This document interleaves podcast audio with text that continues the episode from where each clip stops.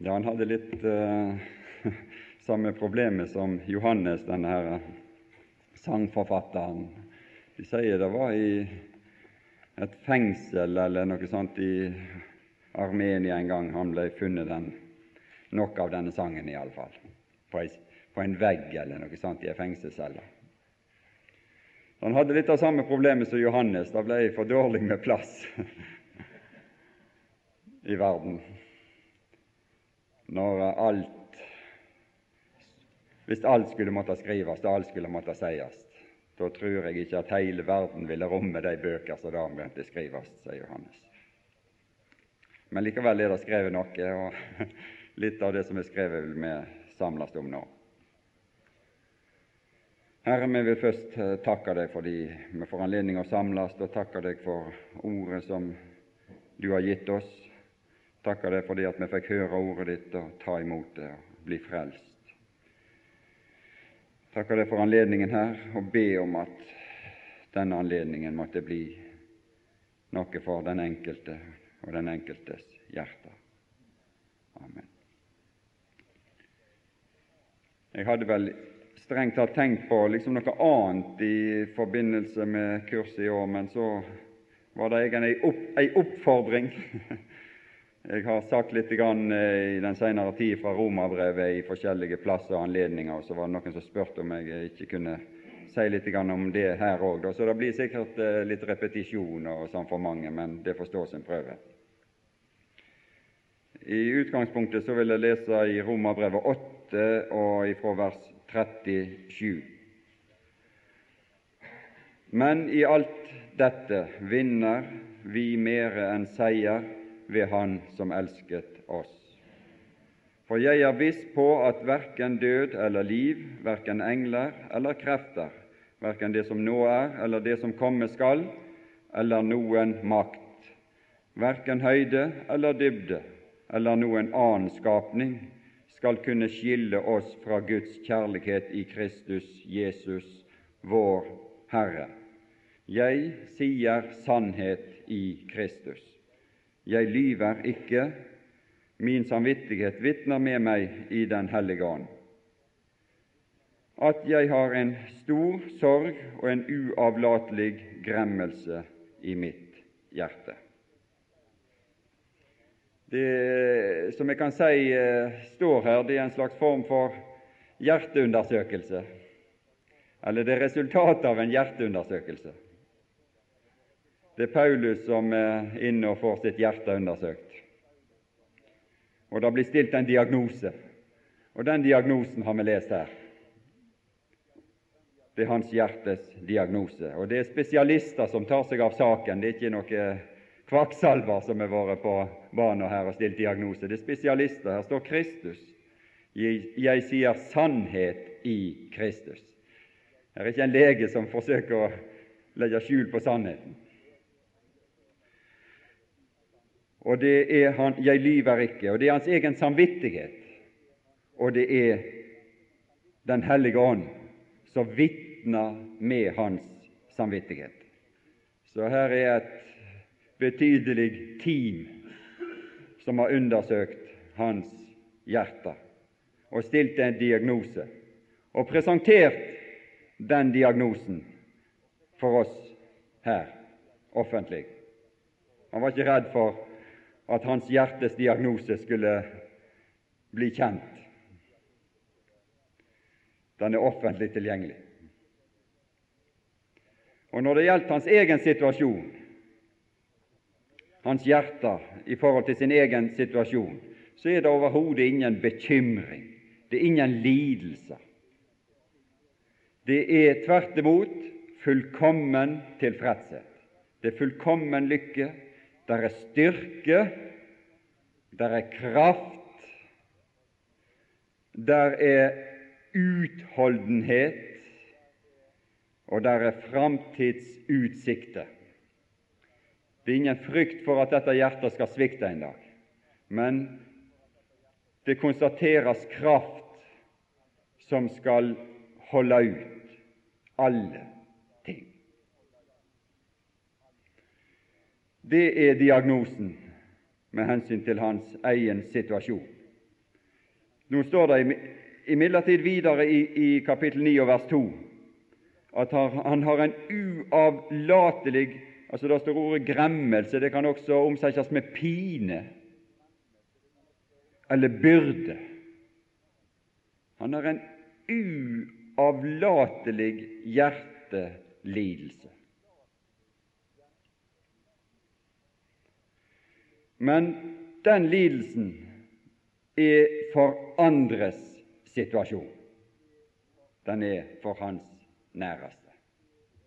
Hans frender, hans slektninger, hans brødre etter kjøtet, som han sier. Hans næreste. De som står han nærmest. For de har han en uopphørt pine, lidelse, i sitt hjerte. Men det er ingen som helst lidelse med tanke på sin egen situasjon. Hva er den store forskjellen på disse to situasjonene? Hva er det som forskjellen på han og hans brødre, hans slektninger etter kjøtet, som han snakker om her? Forskjellen er beskreven videre i kapittel 9 og 10. Og den store forskjellen er at han svarte ja på Guds kjærlighetserklæring i kapittel 9, eller som er sitert i kapittel 9. Guds kall er det også kalt. Og han er blitt seg bevisst at han er elska av Gud i den Herre Jesus. Og det er denne bevisstheten, erkjennelsen, som utgjør den store forskjellen. Og det er denne bevisstheten og denne erkjennelsen i hans hjerte som gjør han til en uovervinnelig person. Uovervinnelig.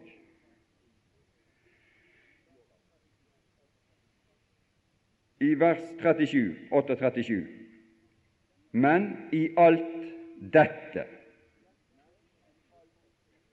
Og alt dette er kort beskrevet i form av ord, stikkord, i versene før for dette her. I alt dette som er beskrevet ovenfor, så vinner vi, sier han, meire enn seier ved Han som elsket oss. Og i vers 38 og 39 så beskrives ytterpunkt i tilværelsen. Om makter og myndigheter, om liv og død. Ytterpunkt i tider, det som nå er, og det som komme skal. Han frykter ikke det som er nå. Han frykter heller ikke det som skal komme.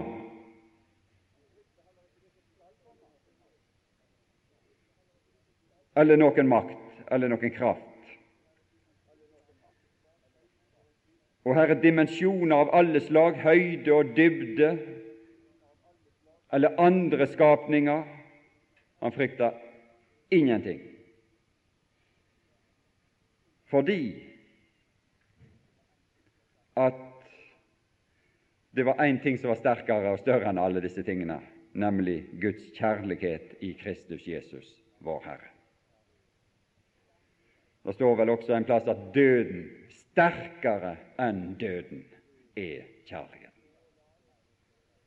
Den tåler alt, den utholder alt. Så den har kraft i seg til å tåle ethvert press her og nå, og den blir ikke utmatta i neste sving, men den utholder alt og den tror alt. Og den blir når alt annet er borte. Alt annet er falt bort. Så blir det. Så blir dette. Og det er denne bevisstheten om disse tingene her som gjør dette mennesket til en uovervinnelig person. Det er ingen omstendighet av noe som helst art som kan knekke ned denne mannen. Omstendighetene her i verden de kan være så ymse. I vers 33 og 34 og 35 så står det uttrykk som anklage, fordømmelse, trengsel, angst, forfølgelse, hunger, nakenhet, fare, sverd.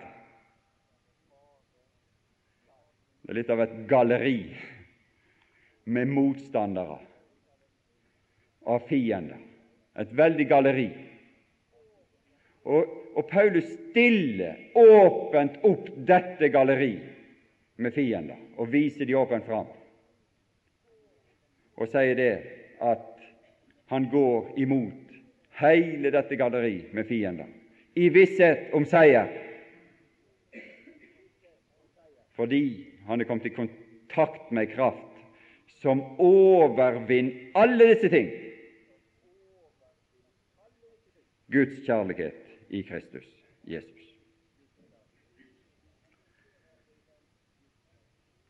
Han siterer i vers 36 så siterer han Salme 44, som skrevet er for din skyld drepes vi hele dagen, vi er regnet som slakte for. Jeg vet ikke om du har tatt deg for å lese Salme 44. Det er nemlig slik, og jeg eh, synder ofte sjøl når jeg leser Bibelen. Det er nemlig slik at når eh, apostlene eller disse evangelistene eller de som skriver brevene, når de skriver, så hentyder de ofte eller har en, et sitat fra Det gamle testamentet. Og Da regner de med at du og meg kan sammenhengen som de siterte ifra. Og Hvis vi ikke kan sammenhengen, så bør vi slå opp sammenhengen og lese sammenhengen. Og Jeg vet ikke om jeg har gjort det i Romerbrevet alle plasser og i de andre brevene som Paulus skriver, men vi burde gjøre det, for det beriker nemlig vår forståelse vår, og, og, og, og hele lesningen av Skriften. Så det må vi gjøre. Så Neste gang du leser første Korinterbrev, og så ser du et sitat, så slå opp og les sammenhengen fra Esaias eller Jeremias eller hvor det måtte være eller en salme. Og les den salmen. Salme 44 siterer han. En underlig salme. Den salme som dveler litt ved fortiden, og det er jo veldig lett for troende, spesielt når de blir litt eldre, så liker en å dvele ved fortiden. Når Gud handla, når Gud var Gud, på en måte. Og når seieren ble vunnet, og de store dager Noen de går jo lenger tilbake enn sin egen fortid og dveler helst ved, ved den historie de har lest om andre, om fedrene, om forfedrene. Det var de store gutta og de sterke kvinner og gudfryktige kvinner. Og det var da Gud arbeidet. Gud, med våre ører har vi hørt, våre fedre har fortalt oss den gjerning du gjorde i deres dager, i fordomsdager og det kan være slik at det var mange ting som var større og bedre i fordomsdager. Det kan vi vel tenke, tenke mange av oss. Da vi liksom opplevde at Herren handla, at Han dreiv hedningene ut, som det står her, og at Han, eh, at han, han eh, inntok land for oss, at Hans arm hjalp oss, at det var velbehag for hans åsyns lys. At eh, ved Han så nedstøtte vi våre fiender, osv. Det var ikke våre våpen, som det står i vers 7 her, ikke min bue, ikke mitt sverd, ikke mine krefter, men vi opplevde det at det var Han som gjorde det, alt. Du har frelst oss fra våre fiender, våre avvindsmenn har du gjort til skamme. Og Gud priser vi den hele dag, og ditt navn lover vi evinnelig. Og så, når du kommer til vers 10, så forandrer denne salmen totalt karakter og innhold. Det er nett som du leser om i, i, i evangeliene, når Jesus hadde gjort et av disse store tingene, og disiplene var med han, og så dreiv han de ut i en båt. Så tok han de med seg i en båt ut på sjøen, og så la han seg til å sove i båten. Og det er det Gud gjør her. Fra vers 10 så lar Gud seg til å sove i båten. Det står her i, i, i vers 24 så står det 'våkn opp'. Hvorfor sover du? De roper til Herren og sier Våkne opp'. Hvorfor sover du? Akkurat som de gjorde til Jesus.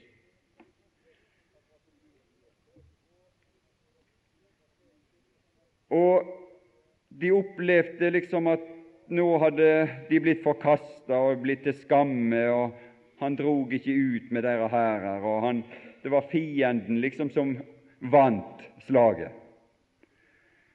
Og det var de andre som for med byttet. Og sjøl ble de like som får som er gitt til å etes, som det står her. Og de følte seg spredt. Liksom, det var ikke noe felles kraft, noe sammenheng lenger. Og du kan lese sjøl nedover her. Det, det, er interessant å se denne utausinga fra, fra et hjerte her, fra Koras barn, i Salme 44, som Paulus siterer i Romerbrevet 8, og som eh, går videre ned til vers 24. Herre, våkn opp. Hvorfor søv du? Hvorfor har du latt deg til å søve når det stormer rundt oss, når brottsjøene endatil kjem inn i båten som de gjorde? der i, i, i, i Matteus 8, er det vel, eller Lukas 8, eller Markus 4. Når sjøene kom inn i båten, og mesteren lå og sov, og de andre var redde og følte seg ganske ynkelige, og tenkte at været, det store været ville ta dem. Hvorfor skjuler du ditt åsyn og glemmer vår elendighet og vår trengsel? for vår sjel er nedbøyd i støvet, og vårt legeme nedtrykt til jorden. Kanskje de lå helt ned på bunnen i båten og så bare opp på sjøene som, som kom og var ri og inn i båten i det store vær. Og det var et rop Reis deg og hjelp til hjelp for oss og forløs oss for din miskunnhets skyld. Ja, han våkna. Han reiste seg opp, og han trua været, og det blei blikkende stilt. Og han sa, 'Hvorfor var det redde?' Han sa, 'Dere lite troende', eller 'dere, tro, dere vantro', sa han. De.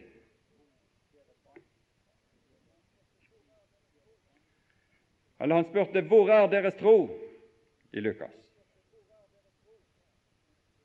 Det var det. Det var der liksom det springende punktet var. Ja, Han sa nå heldigvis i, i, i Matteus at dere er lite troende. Dette var tro. Selv om det var lite, så var det heldigvis tro. Og han berga dem. Han berga dem.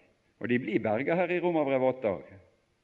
Om du ikke har Paulus i tro, så sant du har tro, så blir du berga.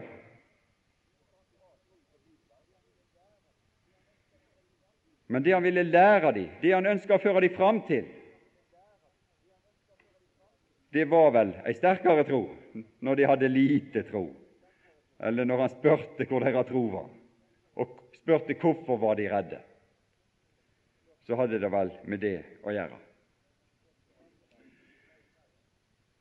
De hadde tro, og de ble frelst og ble berga, men de kjente ikke egentlig sin frelser. Det var det som var deres problem. De kjente han egentlig ikke.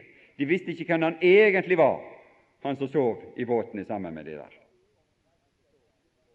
Og Derfor kom redselen der, og derfor kom på en måte anklagen der også imot han. Herre, bryr du deg ikke, sa de. Hvorfor bryr du deg ikke? De opplevde at Herren ikke brydde seg. Det var deres opplevelse av situasjonen. Men han brydde seg.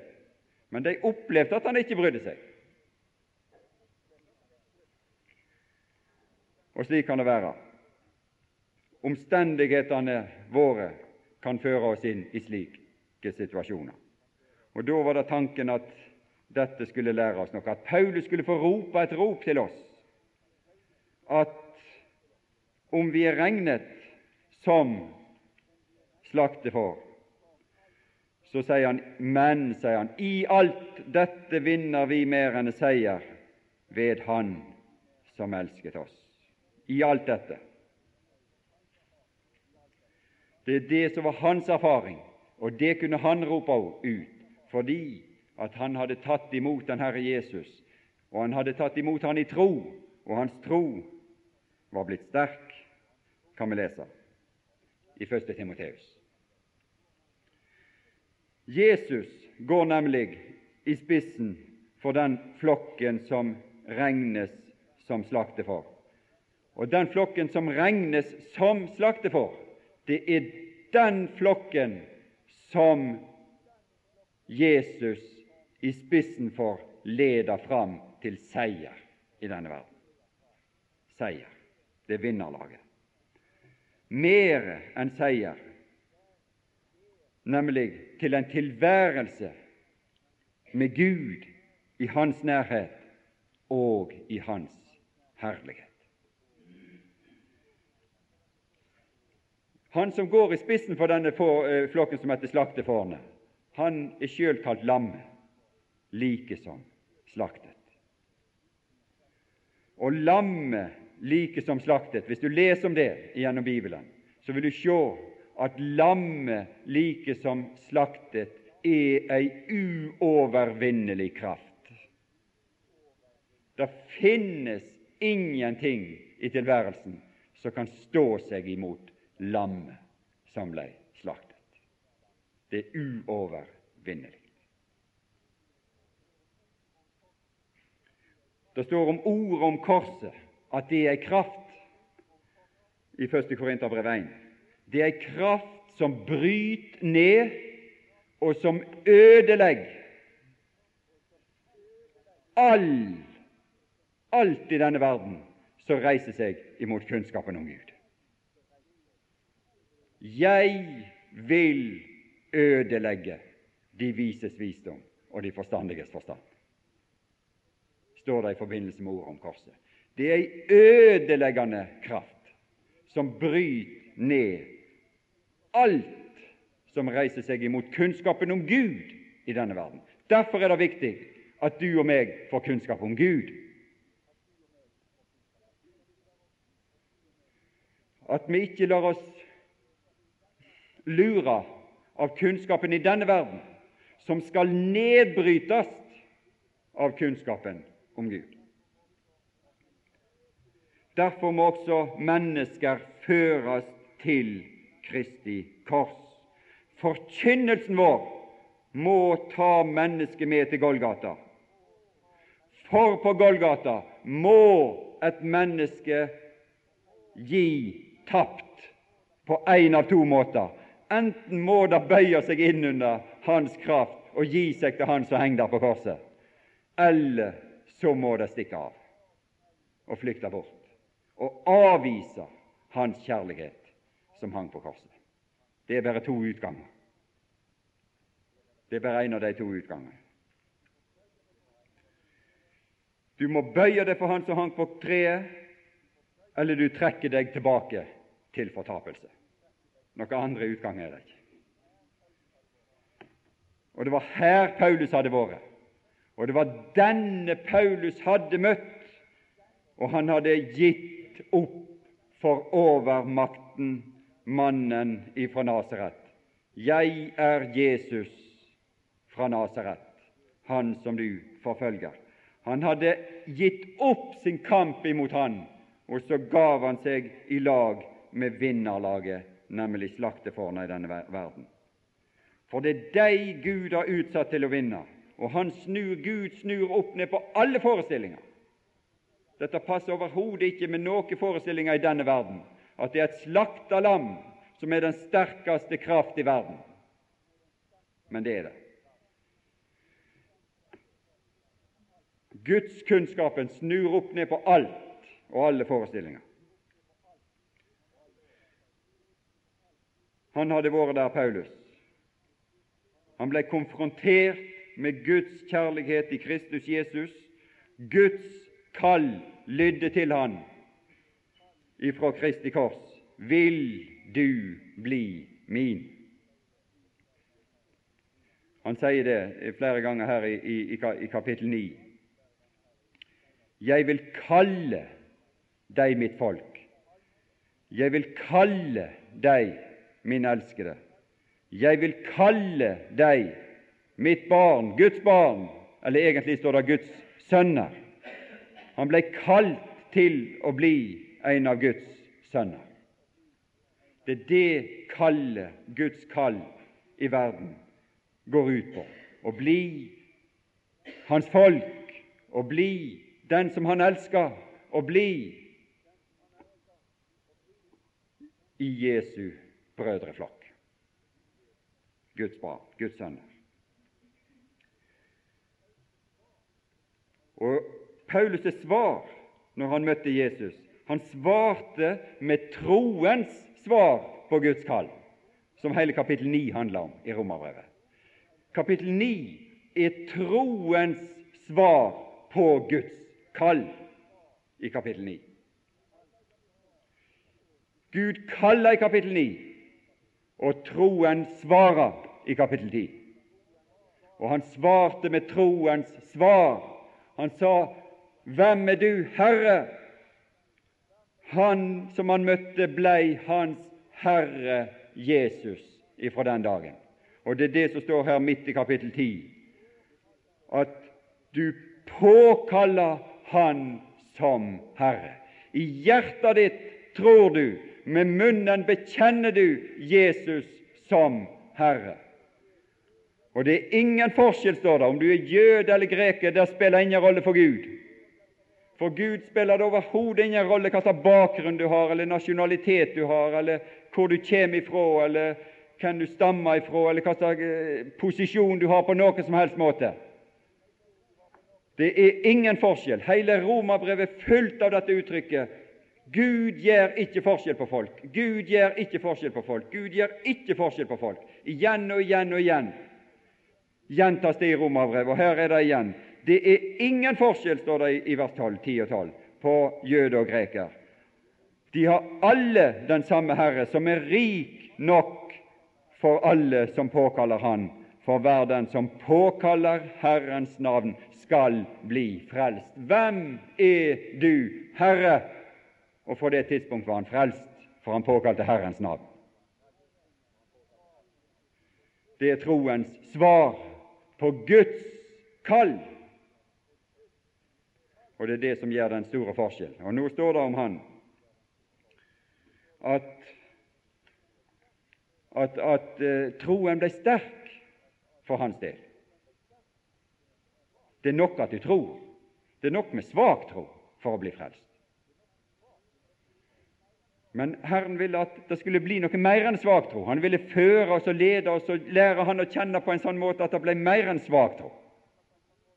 Men det er nok med svak tro for å bli frelst. Så sant det er tro, så blir du frelst. Du må få, men hver enkelt må få sitt personlige forhold til Han og gi Han troens svar på Hans kjærlighetserklæring. Det er ikke nok liksom at far og mor trodde, eller at vi er med i en kristen familie, eller at søsken er frelst, at vi synger i et kor, eller vi er med i et lag, eller kanskje vi er døpt, og, eller er i en tradisjon på noe som helst måte. Ingenting av disse tingene er nok. Ingenting av disse tingene kan, vi, kan du regne med.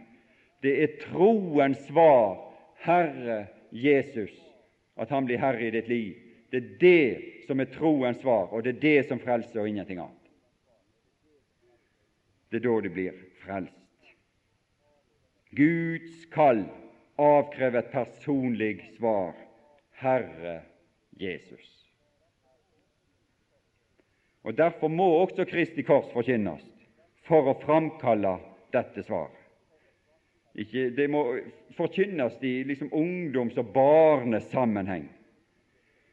Og det viktigere kanskje det, det, det, det er viktigere der enn det noen plass, eller det er viktig i alle sammenhenger.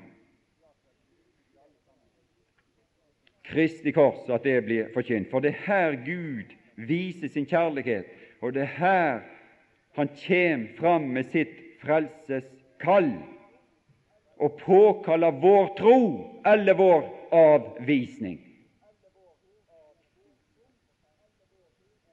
Det er jo en forferdelig eh, oppmerksomhet vi har rundt oss om eh, all slags moderne begrep som eh, jeg har store problemer med å følge med på de sjøl, men les nå litt i ei sånn avis som jeg har.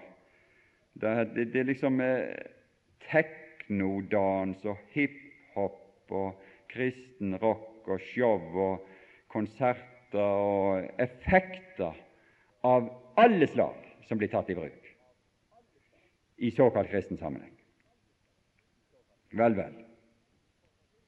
Hvis forkynnelsen om Kristi kors tapes, så tapes alt.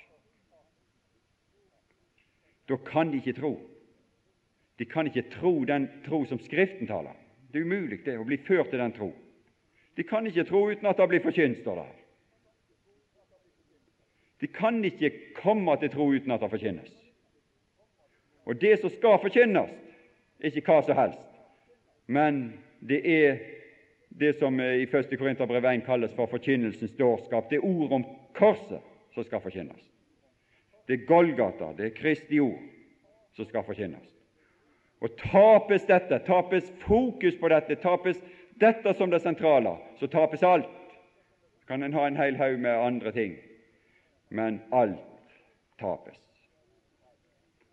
Og Det er dette liksom også de unge og barn må føres i møte med Kristi kors, og bli glad i Kristi kors, så de kan bli bygges opp en kraft som kan bevare dem når alt dette andre detter bort. For musikk og stereoanlegg og video og all slags sånne tildragelser kan ikke bevare folk. Hvis strømmen går, Ja, ja, så går kraften i de, de der. Jeg sier av og til til folk at de, må tenke deg i den situasjonen at det blir slutt på forsterkeranlegg og slutt på keyboard og slutt på team ditt og team datt. Og du sitter der igjen alene. Hva har du da? Det er det du har da du har. Det er ikke alt Det andre har det ikke. Det er når alt Alt dette blir skrelt vekk. Det er det du har da. Det er det du har. Det er det Paulus sier i 1. Korinterbrev 13 òg. Når alt blir skrelt vekk, det du har da, er det du har. Og har du da Guds kjærlighet, så har du alt du trenger for tid og evighet. For den skal stå, den skal bestå i alle evigheter.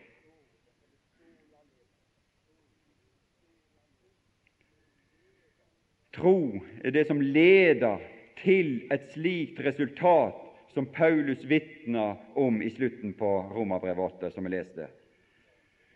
Men i alt dette vinner vi mer enn seier ved Han som elsket oss.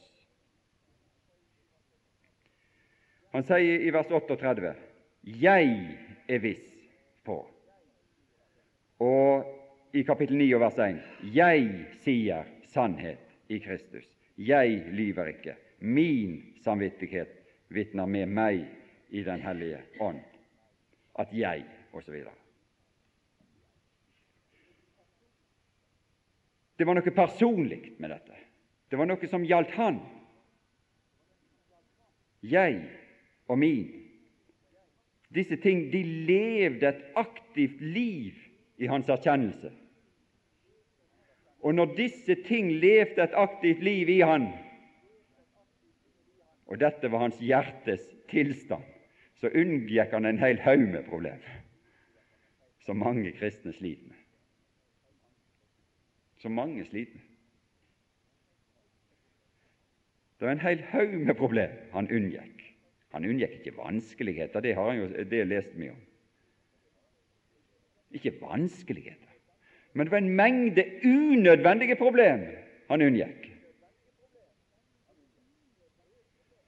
Han unngikk ikke skrøpelighet, utilstrekkelighet, mangelfullhet og alt dette her andre som vi leser om forut her i Romerbrevet 8.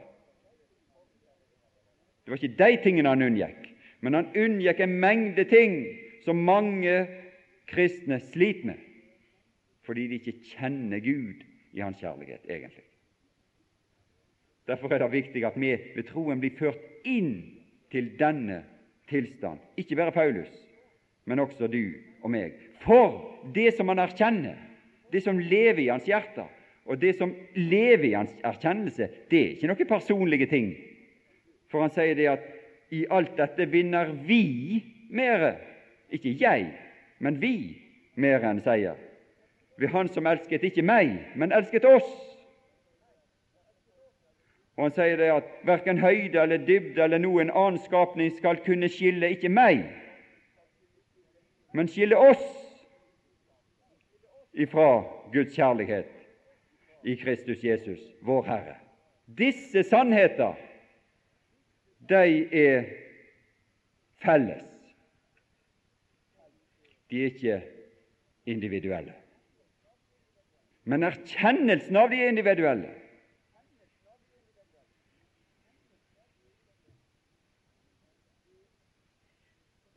Det som er felles, vi må vi ta imot individuelt og leve i det individuelt.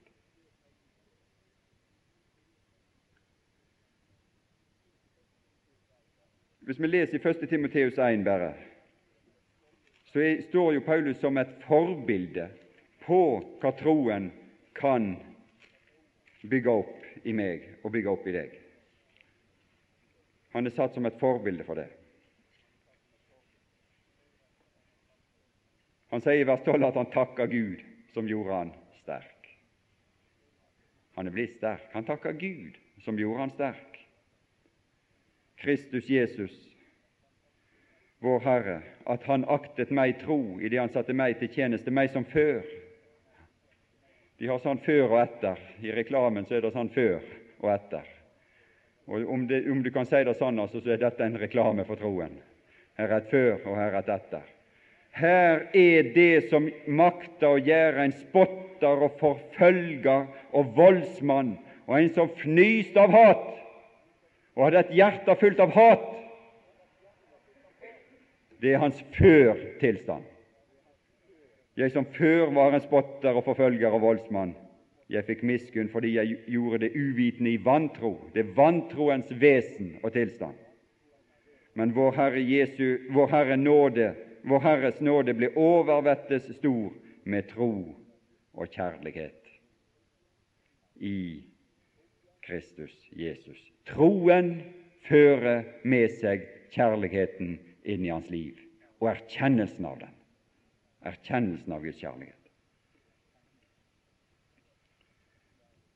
Det er et troverdig ord og fullt verdt å motta at Kristus Jesus kom til verden for å frelse syndere. Blant dem er jeg den største, men derfor fikk jeg miskunn for at Jesus Kristus på meg først kunne vise hele sin langmodighet til et forbilde for meg og deg. Så Paulus er vårt forbilde i så måte. Og det, Den erkjennelse som vi har lest opp her i dag, det er et forbilde for meg og deg, og det er tilgjengelig for meg og deg òg.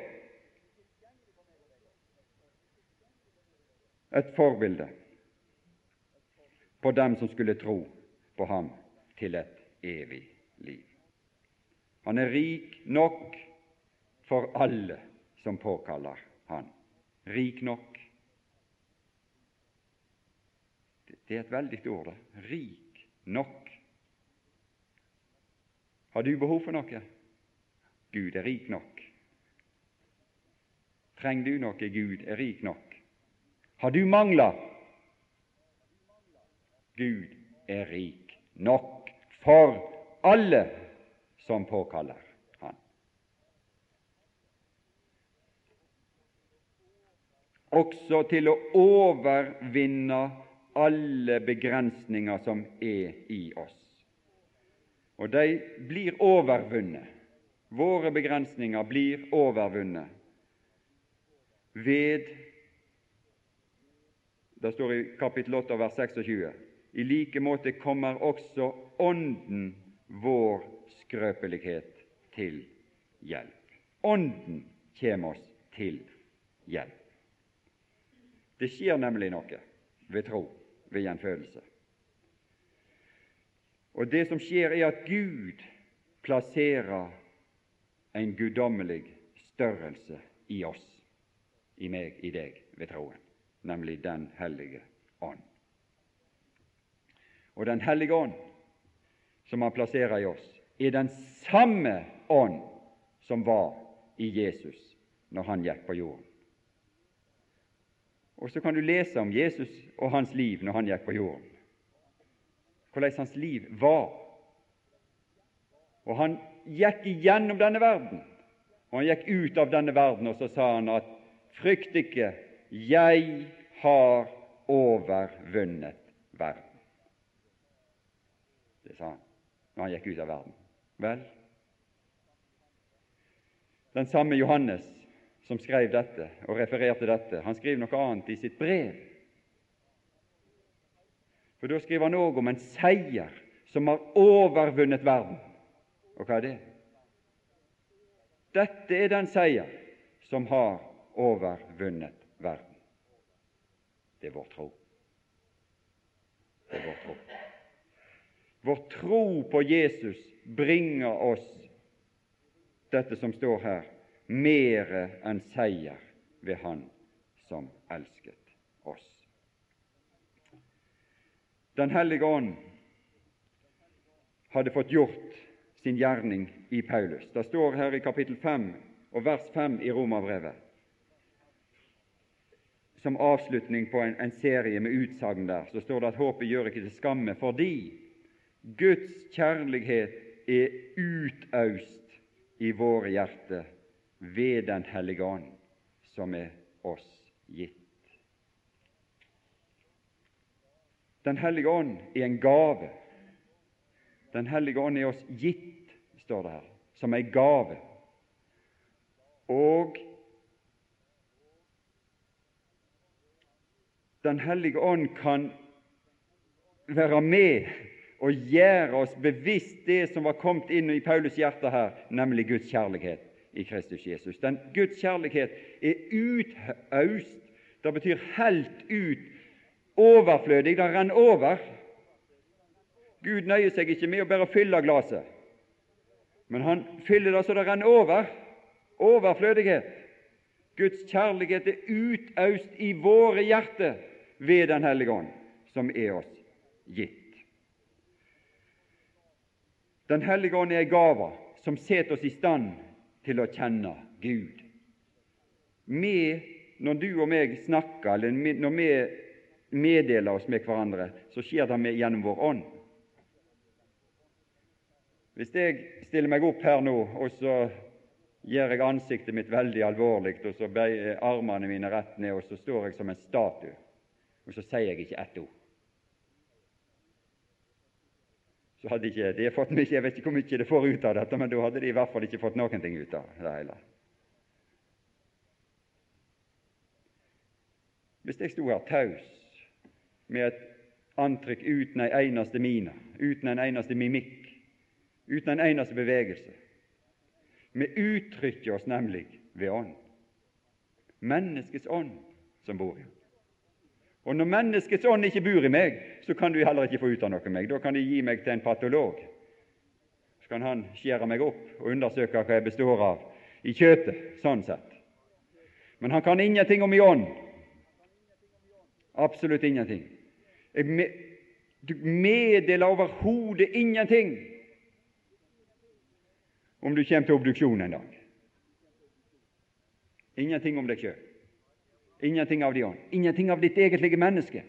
Det som Gud har gjort når Han gav oss Den hellige ånd, det at Han gav oss muligheten til å bli kjent med Han. For Den hellige ånd ransaker alle ting. Og han har adgang inn i dybden i Gud, endatil dybden i Gud. Han kjenner Guds hjerte, han kjenner Guds tanke, han kjenner Guds sinn. Og det er det som blir meddelt for oss her. For eh, det er vel et kanskje to-tre år siden nå, så, så, så, hadde jeg et som et emne Guds råd her i, i Romerbrevet 8,28.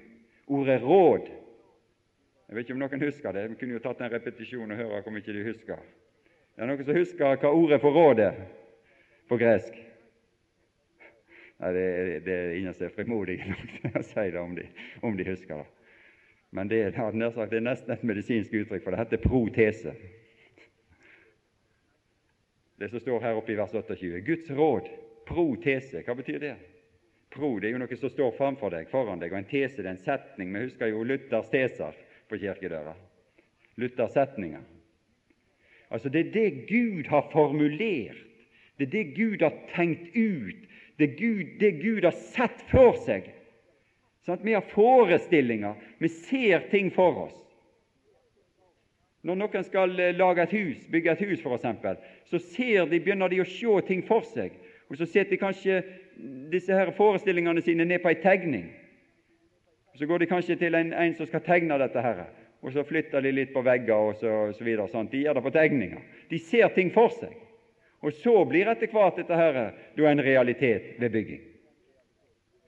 Og det som heter Guds råd her, det er det Gud tenkte ut og så for seg og konstruerte når Han skulle frelse meg og deg og bringe oss inn i det som i Kolossenserbrevet 1 kalles for Hans kjærlighetsrike.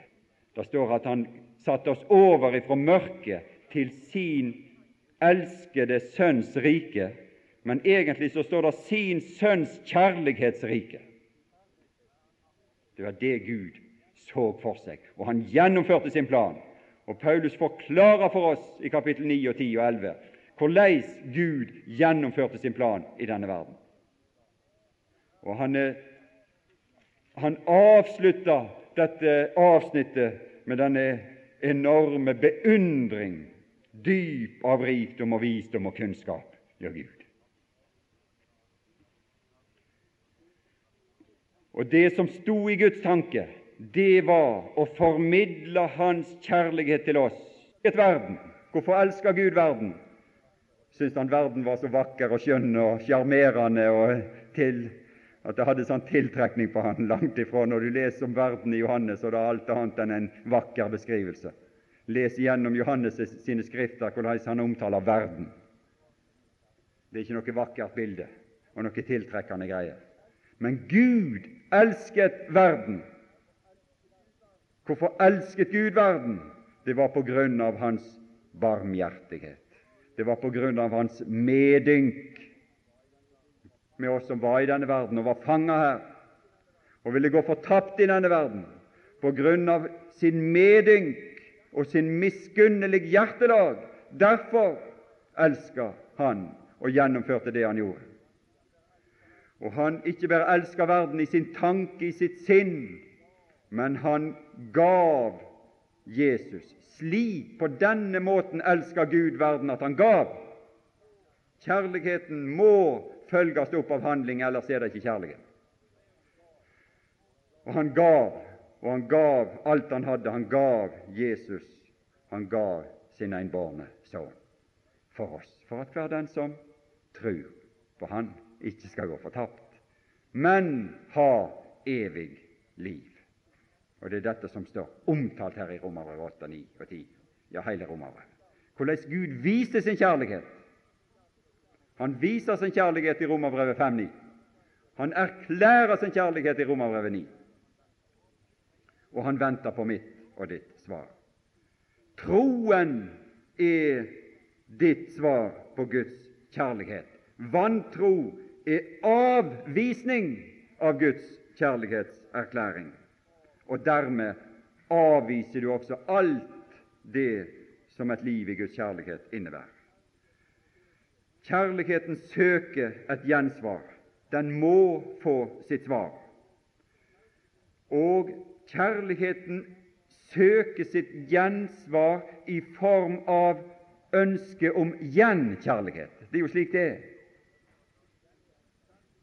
Kjærligheten søker en gjenkjærligheten. Det er kjærlighetens betaling, det. Jeg husker uh, hun Anni Skau snakket om ei jente som var så ille behandla i Kina, og som hun begynte å vise kjærlighet og ta seg av. Og Det gikk måneder, kanskje det gikk år, jeg husker ikke hvor lang tid det gikk, men det gikk i hvert fall en uendelighet av tid før dette jenteansiktet hun greide å framkalle det første smil i dette jenteansiktet, i denne kinesiske jenta. Det var et arbeid som måtte legges ned i kjærlighet, et utholdende arbeid i kjærlighet, før hun kunne få betaling for sitt arbeid, et smil som ble fremkalt i denne jenta sitt ansikt. Slik er Gud. Det er slik Gud er. Gud har gjort et veldig arbeid mot oss igjen i, i kjærlighet for å få vårt smil tilbake til seg. Det er den betaling han ønsker. Det er det gjensvar han ønsker. Og han fikk det til. Han fikk det til. Vi skal se litt nærmere på det. Hva som er Guds vei til vår, vårt gjensvar i kjærlighet. For Gud fikk det til.